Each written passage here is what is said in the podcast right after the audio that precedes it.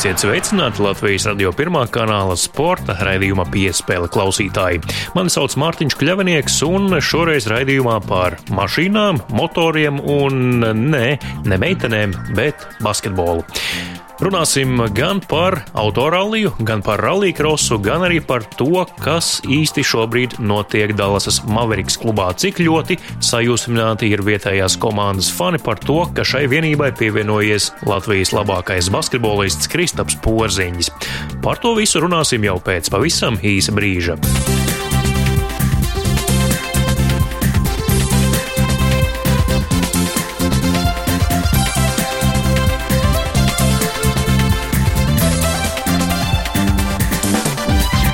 Aizvadītajā nedēļas nogalē ātri braucošas mašīnas, meistarīgi piloti un stūrmaņi pulcējās Latvijas un Igaunijas rallija čempionāta posmā Rallijā Sārma. Tur piedalījās un uzvarēja 17 gadus vecais Olivers Solbergs. Viņš, lai gan triumfēja tikai vienā ātruma posmā, kopvērtējumā bija labākais. 17-gadīgajam Oliveram padomus deva viņa titulētais tēvs 2003. gada pasaules rallija čempionāta uzvarētājs Norvēģis Peters Solbergs. Pārbraucienā uz pēdējiem diviem rallijas ārmā ātrumposmiem pēc otrās Severis parka apmeklējuma titulēto Peteru Solbergu uz nelielu sarunu noķēra mans kolēģis Māris Bergs. Servis parka sākumā jums bija ilga apspriede, par ko jūs diskutējāt. Uh, we talked a little bit setup, Mēs aprunājāmies par mašīnas regulējumiem. Auto īsti negāja. Pirmajā riņķī bija problēmas ar dzinēju un stūres iekārtu. Mašīnu vilka uz vienu malu. Neskatoties uz to, gāja labi. Sagriešanās trasē arī jānorakstos problēmām ar stūri, bet to visu novērsām, un viņš brauca ļoti ātri un bija tuvu griezinam, zaudējot tikai pāris sekundes katrā ātrumposmā. Es gaidīju, ka Olivers zaudēs aptuveni pussekundi katrā kilometrā, bet viņš zaudēja tikai pa desmitdaļai. Tas ir ļoti maz, un Griezins ir lielisks pilots, ļoti ātrs. Viņš ir testējis dažādas mašīnas, un Griezinam ir pieredze. Griezinam ir laba komanda, kvalitatīva stratēģija, tāpēc esmu apmierināts ar Olivera demonstrēto. Yeah, good strategy, so, so I'm, uh, I'm pleased with that. General... Kāds ir jūsu viedoklis par rallijiem Latvijā, organizāciju, konkurences līmenis un citas lietas šeit? Well, very, very in, in Sacensību organizācijas līmenis Latvijā vienmēr bijis ļoti augsts. Organizatori strādā ļoti kvalitatīvi, ļoti profesionāli. Labas balvas uzvarētājiem viss ir tādā līmenī, kā tam vajadzētu būt. Domāju, ka rallija organizācija šeit ir labāka nekā daudzās citās valstīs, tāpēc novēlu visiem strādāt tikpat centīgi un attīstīties vēl tālāk. Tas ir ļoti būtiski. Līmeni parāda arī tas, cik daudz valsts valstu pārstāvji piedalās rallijā. Ātrumposmi šeit ir ātri un ļoti tehniski. Kad brauc tādā ātrumā, apgūsti dažādas lietas. Šodien gan ir ļoti silts. Ja tā nebūtu, otrajam aplim būtu ideāli apstākļi, bet kopumā viss ir labi.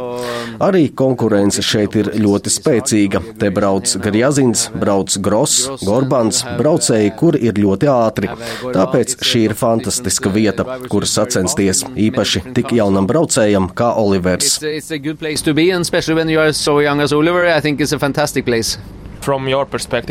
Runājot no tēva skatu punkta, Olivers interesi par mašīnām un ralliju izrādīja jau bērnībā, vai jūs viņu tur virzījāt?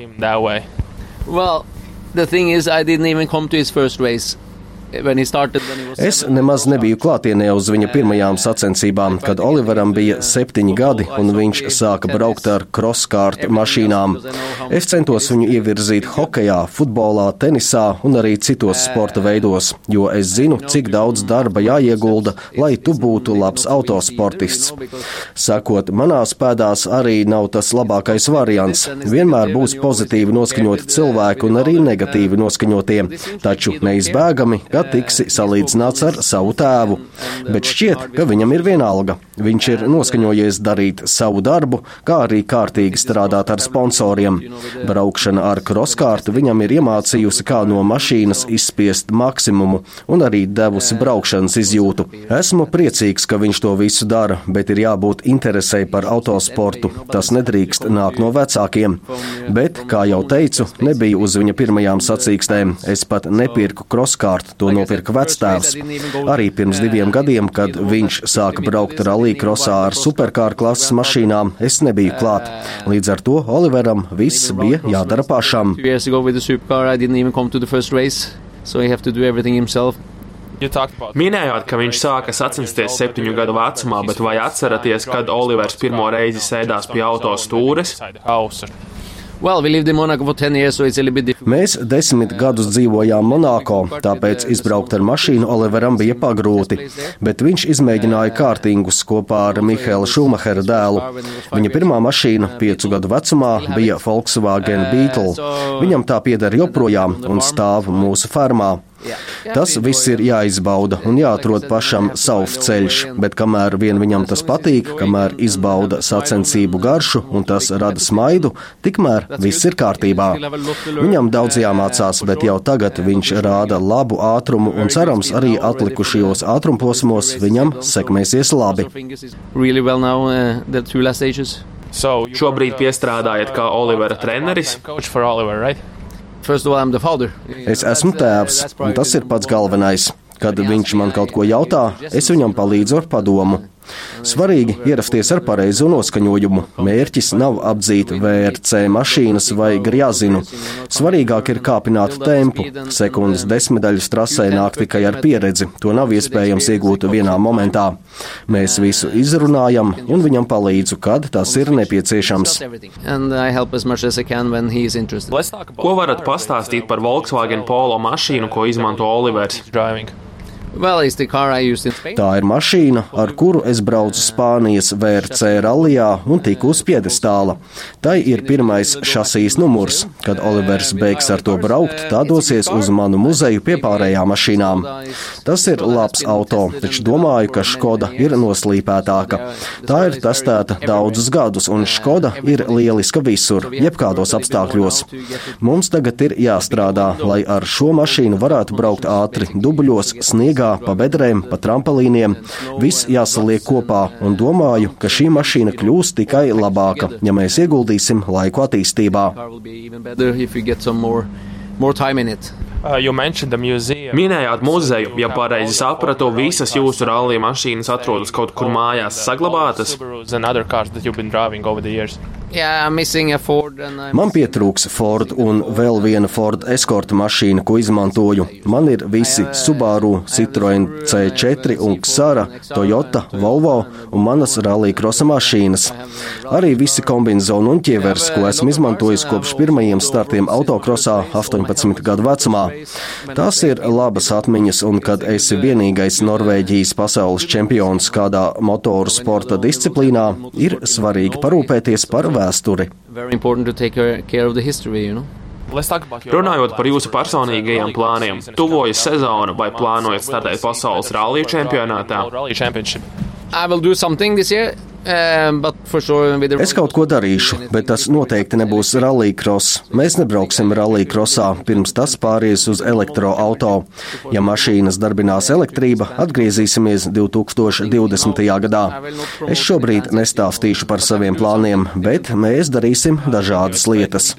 Mēs bijām daļa no tā visa un būtu varējuši turpināt, jo tā ir mana komanda, bet ja visas profesionālās komandas iet prom no čempionāta, tad nav jēga jēgas turpināt, jo mēs esam šeit, lai sacenstos ar stipriem pretiniekiem. Ja aiziet Loebs, Hansens, Ekstroms un viņu komandas, mēs vairs neesam ieinteresēti. Mums ir interesanti cīnīties pret labākajiem braucējiem, kuri spēj sarūpēt lielu konkurenci. Esmu drošs, ka šogad būs interesants čempionāts, taču šajā sportā nepieciešami autoražotāji. Iepriekš bija Peugeot, Audi un Ford, bet tagad nav nekā. Mums arī nebija rūpnīcas komandas. Tā bija mana komanda, bet mums bija Volkswagen rūpnīcas atbalsts. Peugeot bija vienīgā īstā rūpnīcas komanda. Mums arī jādomā par jauno paudzi, lai jaunie autosportisti varētu braukt. Čempionātam jāpāriet uz elektrību. Ja nenotiks savlaicīga pāreja, nebūs iespējams atrast normālas vietas rūpnīcu komandās. Ir daudz jauno braucēju, kuri būtu pelnījuši startēt labās komandās. Arī jums Latvijā tādu netrūkst. Viņi daudz strādā trasē un arī ar sponsoriem. Bet, ja mēs gribam šo sportu attīstīt, tad mums ir vajadzīgs kārtīgs pasaules čempionāts ar labām komandām.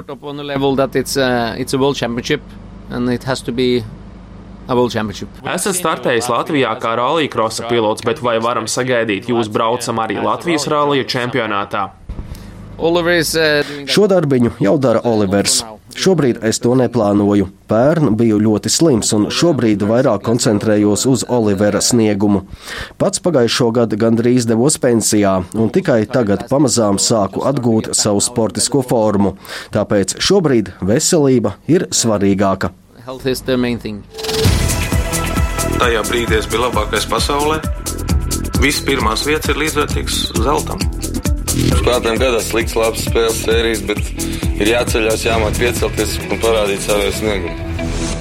Sporta raidījums piespēle turpinās. Studijā Mārtiņš Kļavinieks un turpinām par jau iesākto tēmu par ātri braucošām mašīnām, bet šoreiz gan ne par ralliju, bet par rallycrossu. Pagājušajā sezonā pasaules rallycrossa čempionātā startēja tikai viens latvietis Jānis Baumanis, kurš pārstāvēja austriešu komandu Sart. Arī nākamajā sezonā viņš paliks uzticīgs šai vienībai, bet pasaules rallycrossa apritē atgriezīsies arī Eiropas rallycrossa čempions 2018. gadā Rēnis Nitišs. Nākamā sezona pasaules rallycrossa čempionātā būs atšķirīga atšķirīga no iepriekšējām, jo šo te čempionātu lēmušas pamest autorūpnīcas Audi, Volkswagen un Peugeot, kas dominēja iepriekšējos gados. Raidījuma turpinājumā kolēģa Māra Berga saruna ar rallija braucēju Jāni Baumani. Pagājušajā gadā kopvērtējumā ieņēma 9. vietu. Es jau pierunāts ar to, kā pagāja aizvadītā sezona.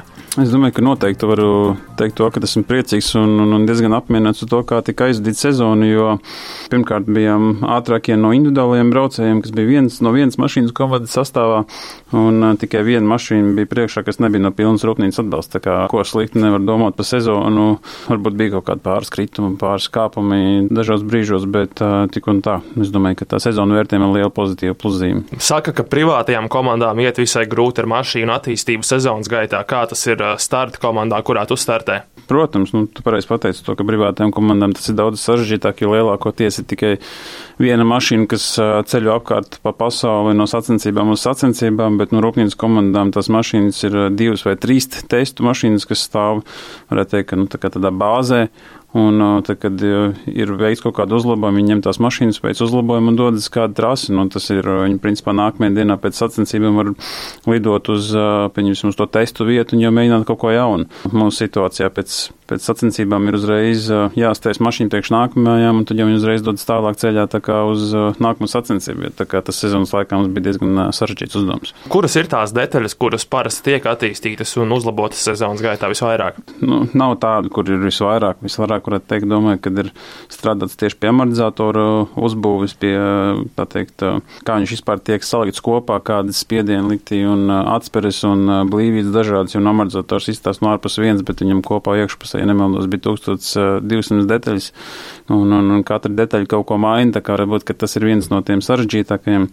Protams, liela daļa mums ir šogad arī, ir arī finansiāli atbalsts, un ļoti liela palīdzība ir Japāņu amortizatoru speciālists Steins, kas specializējas jau amortizatoru ražošanā vairāk nekā 50 gadus un ar lielu pieredzi. Viņi ļoti daudz mājas darbu izdara savā rūpnīcā, savā testa fabrikā, kur nu, mašīnai nemaz nav jāliek virsū amortizators, viņi ieliek speciālās iekārtās, kas arī mēģina dažādas slodzes, imitē kādu no speciālām rallīkras trasēm un skatās, kā īsti amortizators strādā. Un es domāju, ka tas ir viens no tām, viena no tām lietām, kas visvairāk tiek attīstīta, tas ir tieši tas amortizators, protams, par, var minēt arī tādas lietas kā programmas motoram, starta programmas motoram.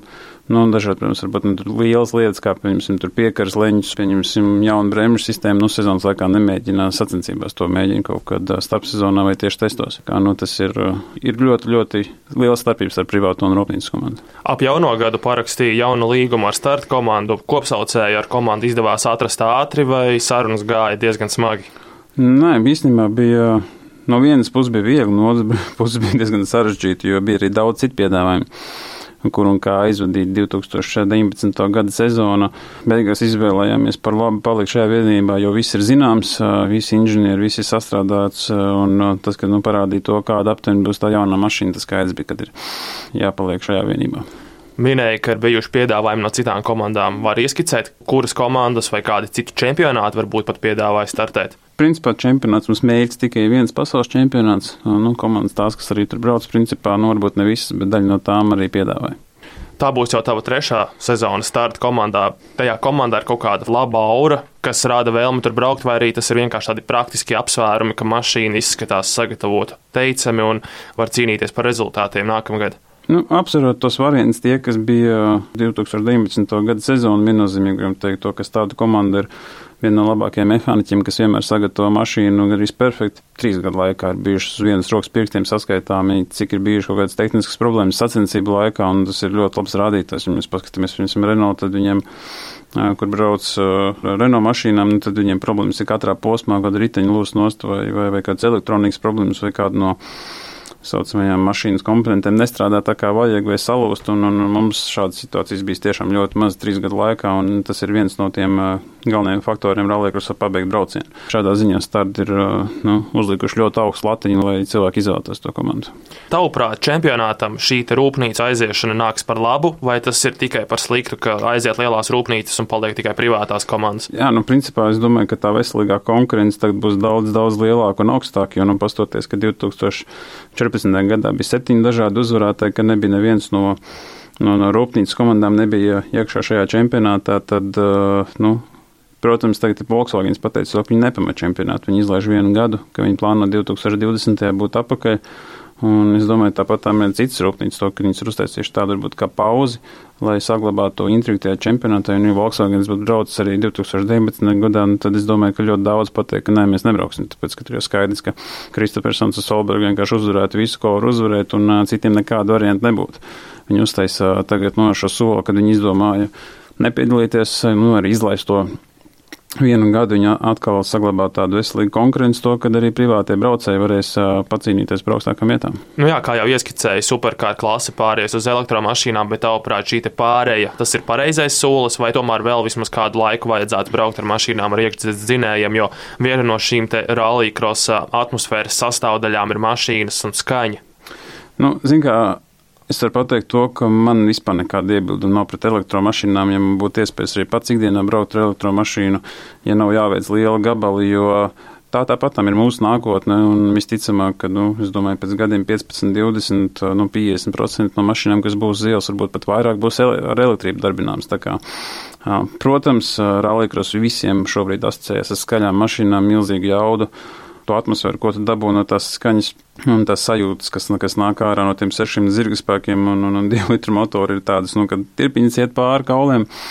Bet eh, es domāju, ka tas eh, tik un tā būs daudz interesantāk, jo mašīnas būs vienlīdz, vienlīdz ātras, var teikt, ļoti daudz izšķirsies no braucējiem un tieši inženieru spējas kā, kā, kā to visu padarīt nu, pēc iespējas ātrāk un jaudas būs lielāks. Mašīnām šobrīd ir ap 600 zirgspēkiem, tad elektromašīnām būs ap 650. Nu, tas ir, varētu teikt, diezgan liela starpība uz to masu, kas mums ir mašīnām. Tā kā, nu, es domāju, ka Nu, elektrība ir nākotne, un gribēju, negribēju, autosports ir tā lieta, kur uh, rūpnīcas var attīstīt savas ielas mašīnas, uh, balstoties uz to pieredzi, ko iegūst no autosporta. Skatoties uz jau uz gaidāmo sezonu, kā pats personīgi gatavojies šai sezonai tieši kā pilots?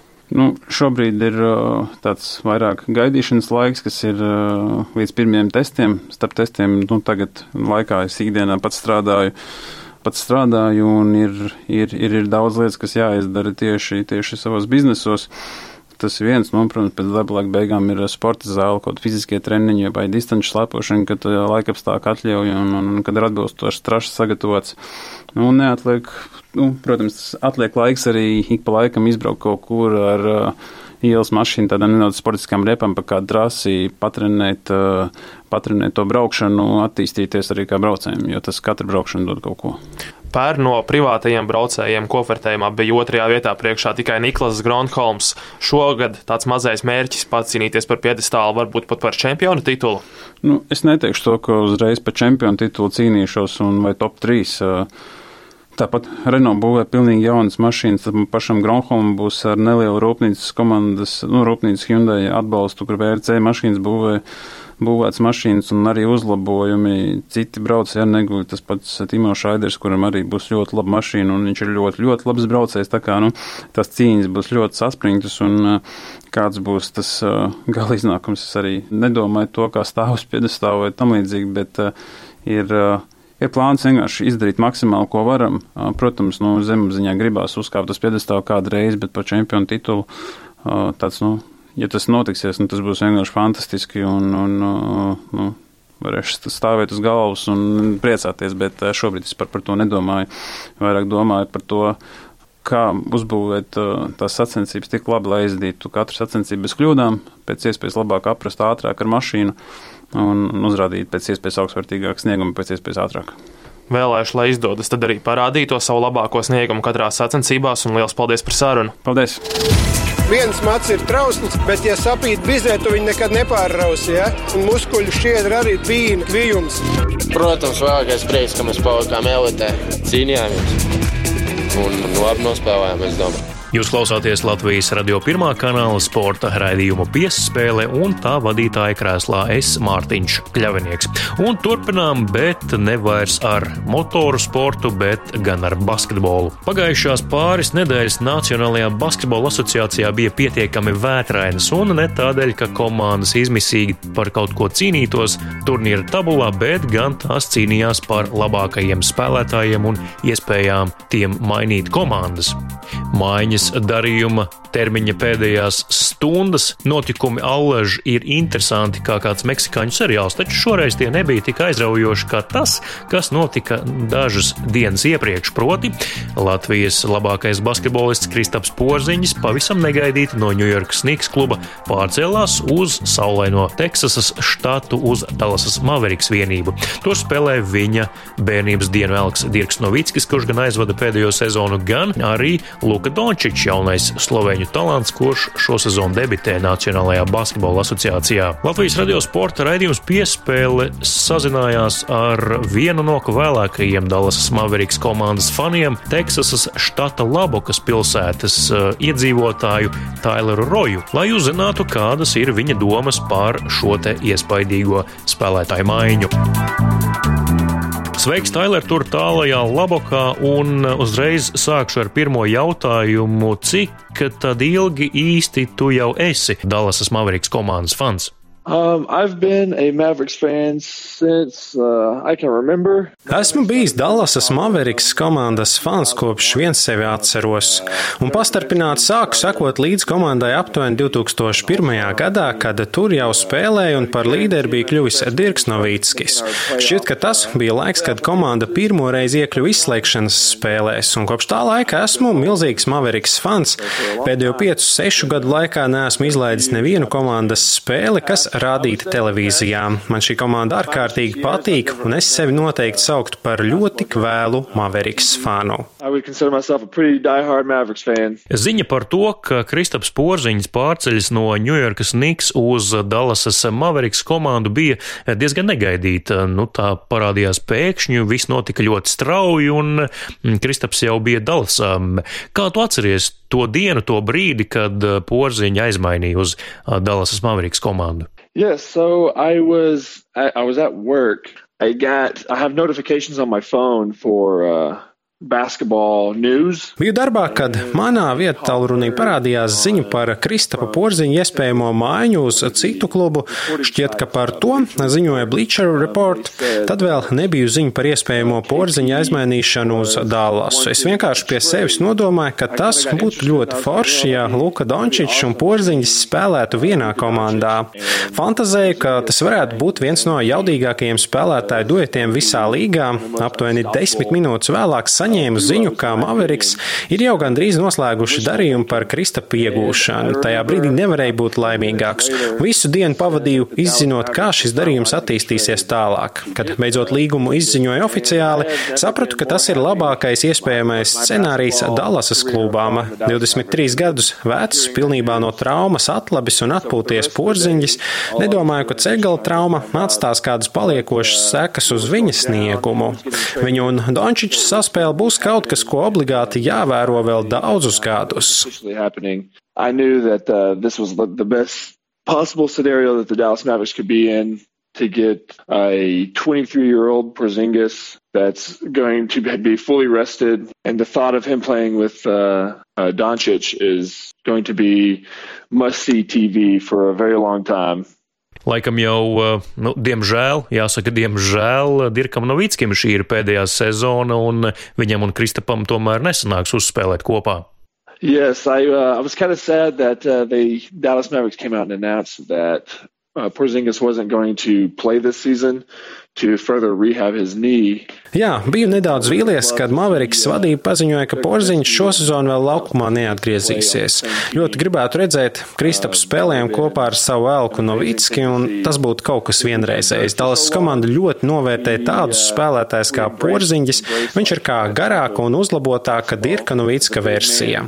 Dallas noteikti ir izcila vieta, kur Kristapam izkopt savus talantus. Šī sadarbība noteikti būs arī iegūms abām pusēm. Um, I think, I think the culture around Dallas is going to uh, be really great for uh, KP and his his development, his further development as a player, and I think it's going to be beneficial for both sides. Kristaps Porziņš tagad ir daļa no Dallasas Mavericks komandas, par kuru arī tu fano, bet vai tu sekoji līdzi Kristapa Porziņa gaitām NBA arī tad, kad viņš vēl pārstāvēja Niks komandu?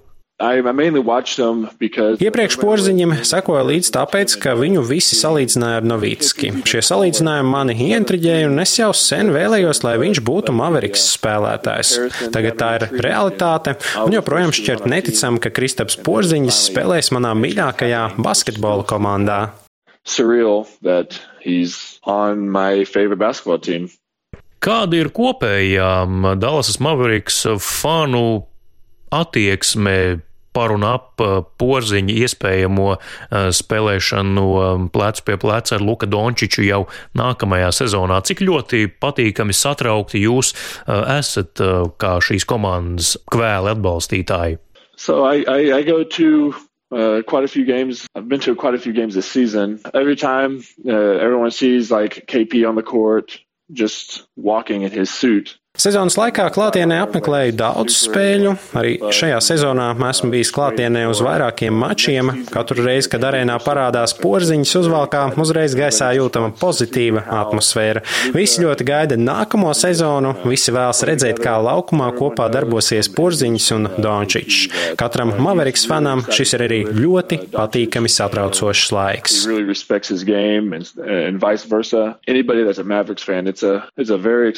For, for all of us. Un sarunas noslēgumā vēl viens jautājums par um, to, kur Kristaps Poziņš pavadīja savu līdzšinējo NBA karjeru. Tas bija New York Knicks klubs. Tagad viņš pārcēlies uz Dallasu. Tur ir gan saulaināks uh, laiks ikdienā, gan mazāk nodokļi, uh, gan arī komanda kopumā šķiet organizētāka un pārdomātāka, un uh, no malas izskatās, ka zina, ko dara tieši pretēji Ņujorkai. Tu gan nedzīvo Dallasā, bet Kā tu redzi Ņujorkas organizāciju un tās problemātiku NBA ietvaros? I live in Lubbock, Texas. It's a It's about five hours west of of the Dallas area. Dzīvoju Labokā, Teksasā. Tas ir aptuveni 5 stundu brauciena attālumā no Dallas, bet visu savu dzīvi esmu bijis kvēls Maveriks fans.